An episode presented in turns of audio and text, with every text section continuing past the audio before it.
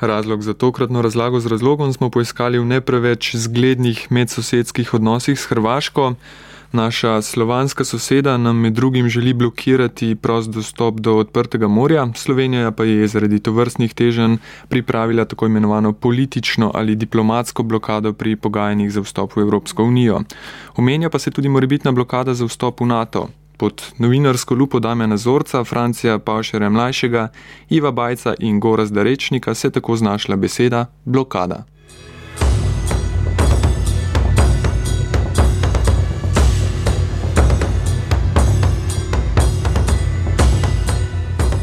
In beseda blokirati je prevzeta prek nemškega blokiran, blokade, iz francoskega bloker, kar pomeni blokirati, zapreti, zaustaviti prvotno s tramom, deblom ali lesenim blokom.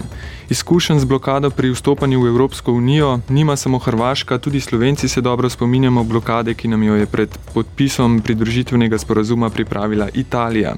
Blokade se je Slovenija rešila s tako imenovanim španskim kompromisom, ki ga je podpisal takratni zunani minister Zona, Zor, Zoran Taler. Ja, blokada v glavnem pomeni zaustavitev napredovanja, zadrževanje in tudi v diplomatski blokadi gre za to. V času dogodivščin z Italijo je šlo za to, da je Italija želela nekatere svoje partikularne interese uveljaviti v tem procesu in je to trajalo približno tri leta, dokler nismo na način neškodljivega kompromisa stvar premaknili naprej.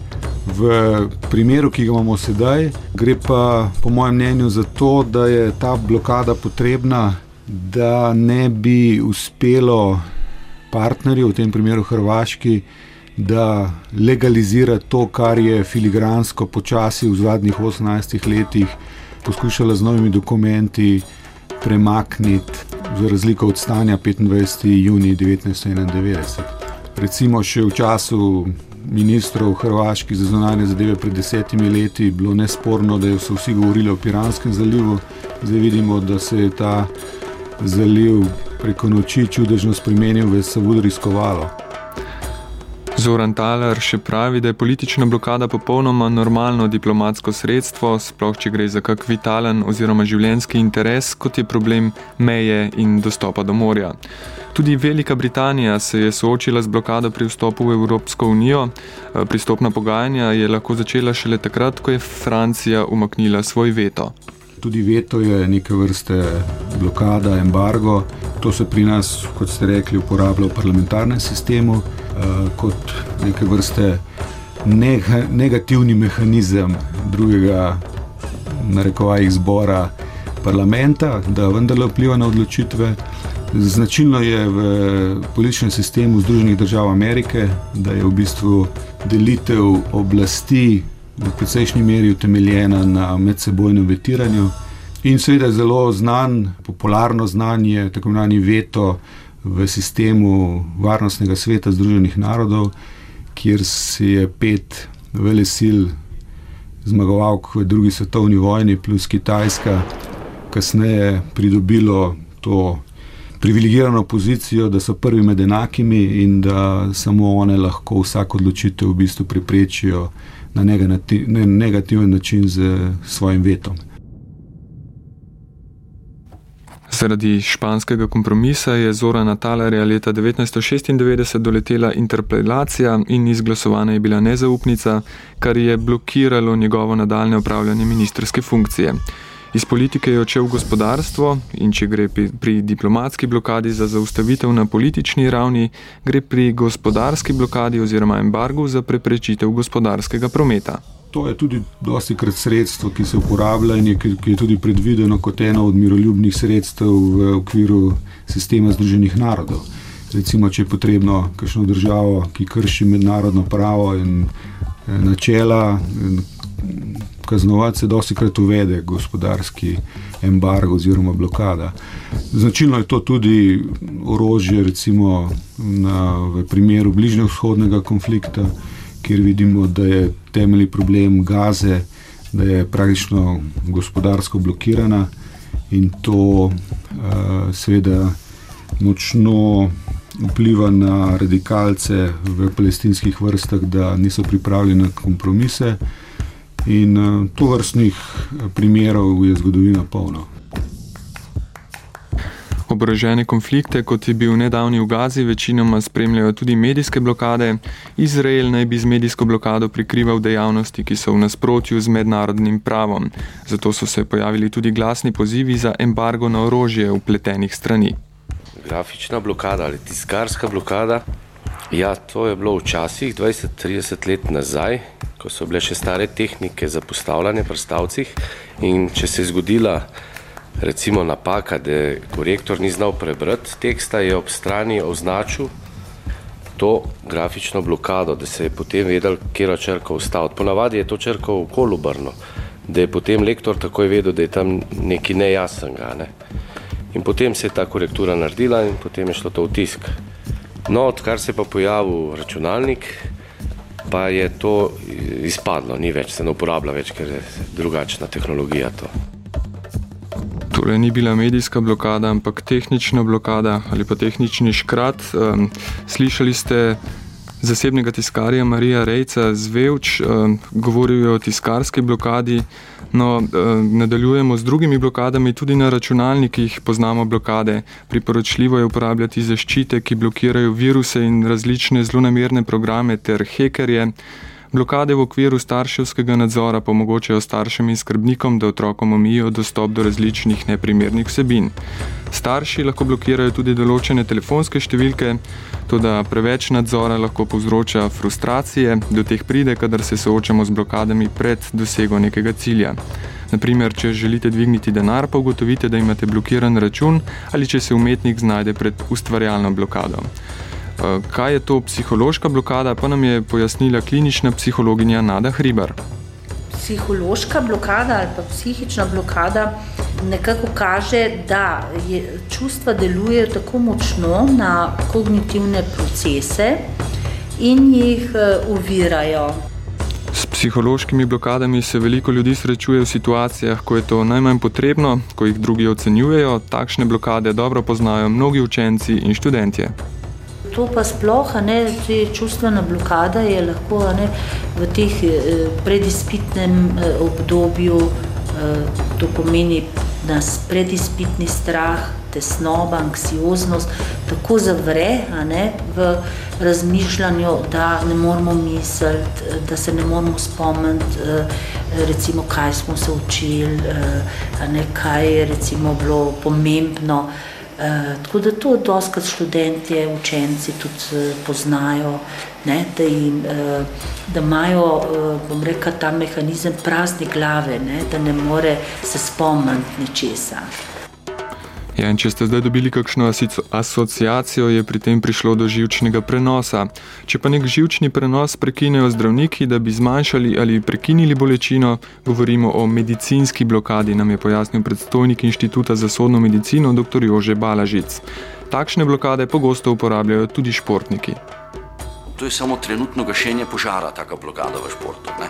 Torej, preprečitev ali zmanjšanje bolečine. Posledice pa so lahko potem mnogo večje, kot če bi neko poškodbo takoj sanirali. In vemo, nobena kemija ni, če jo veliko krat uporabljaš, 100% delujoča samo v prid zdravja, ampak lahko tudi škoduje. Na v športu pa seveda poznamo tudi veliko bolj atraktivne blokade. Franci Pavšer mlajši se je o blokadah pogovarjal kar z Juretom Zdovcem. Blokada v košarki ima dva pomena, v smislu, kot eh, radi rečemo, banana ali pa blok. Oboje pa strokovno se reče blokada. Jurek Zdovc, kako bi vi to razložili tudi tistim, ki niso toliko upoznani v detajle košarkarske igre? Uh, ja, kot si že sam omenil, uh, ima res dva pomena. Blokada se reče takrat, ko dejansko uh, igralec v obrambi blokira met nasprotnika preden ta žoga gre nekako v koš, to pomeni, ko preden doseže najvišjo točko v zraku. Imamo pa tudi blok uh, ali bilo kakšnega igralca, navadno so pač uh, blokade centrov za nižje igralce. Tudi veliko je zdaj blokadov nižjih igralcev za centre, uh, potem so tu blokade, uh, se reče hrbtne blokade, ko igralca zablokiraš iz hrbta. Skratka, teh blokov je kar nekaj, tako da to je v principu to. Kakšna pa je nepravilna blokada? Ja, to pa morate sodnika vprašati. Dejansko več ali manj so vse blokade nepravilne. Eh, če bi šel čist po pravilih, eh, igravci se v bloku premikajo, potem še nastavijo rit, še iztegnejo nogo. Skratka, eh, bolj ko gre tekma k koncu, bolj so te blokade nepravilne, igra se pač čist vedno bolj umazano, trdo, ogromno je faulov. Tako da recimo, mi osebno imamo velik problem, mi delamo izredno slabe blokade v Olimpiji, uh, naši centri jih sploh ne delajo, tudi beki delajo slabe blokade, tako da je to en segment, ki ima Olimpija uh, izredno veliko rezerve. Razdolj so bili tudi dogodki med vami in Marko Miličem prejšnji teden, ene vrste blokade? Ne, dobene blokade ni bilo, dobene. Na uspešnejši od košarkarjev Olimpije so v zadnjem času blokeri odbojkarskega kluba ACH Volej. Če ste po kateri od njihovih zmag nazdravili, pa upamo, da niste vinjeni sedli za volan, drugače bi potrebovali blokado, ki vinjenim osebam onemogoči zagon motornega vozila.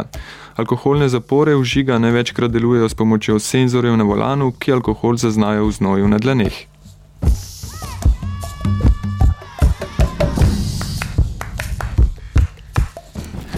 Sloveniji skoraj nimamo vozil, ki bi imela ugrajeno alkoholno zaporo, niti nimamo razvitih takih programov. Nekatere države pa so na tem področju že precej naredile, nam je pojasnila sodelovka na Inštitutu za sodno medicino dr. Majda Zorec Karlovšek. Predvsem bi omenila švedska prizadevanja, da se te priprave ugradijo vsa vozila, eh, ki vozijo tovor in ljudi, kamione, avtobuse, šolske avtobuse torej, da se to opravlja povsem sistematsko. Ja, in zelo sistematični morajo biti pri postavljanju blokad tudi policisti, nam je na policijski upravi Ljubljana zaupal Leon Keder.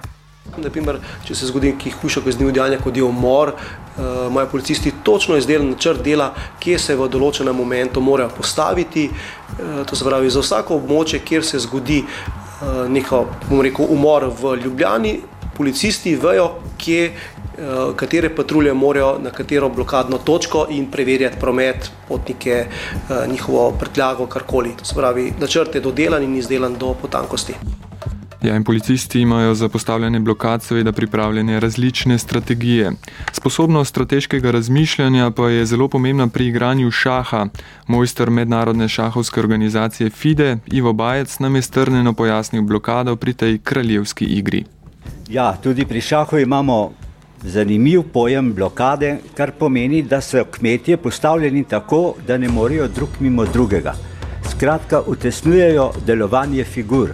Le konj je tako iskra figura, da lahko skače tudi prek take blokirane pozicije in zato je v takih položajih konj najbolj vredna figura, bi lahko rekel.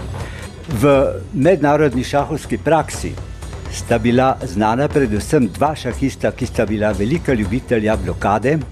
Prvi je bil še v klasičnem načinu šahiranja Aron Nimcovič, velemojster seveda, drugi je bil pa svetovni šahovski prvak Tigram Petrosjan. Kaj je še recimo značilnost blokade? To je, da je najbolj uspešna v igri z računalnikom. To pomeni, da računalnik blokade ne mara, ker mu utesnjuje njegovo izjemno moč računanja. Šahovski računalnik se izogiba pravzaprav blokiranim pozicijam, ker tam ni najmočnejši. In tako smo končali tam, kjer smo pravzaprav začeli, pri moči. Argumenti moči ne bi smeli vladati odnosom med sosednjimi državami, drugače lahko pride tudi do blokad, sploh če katera od sosed neprestano govori eno, misli in dela pa drugo.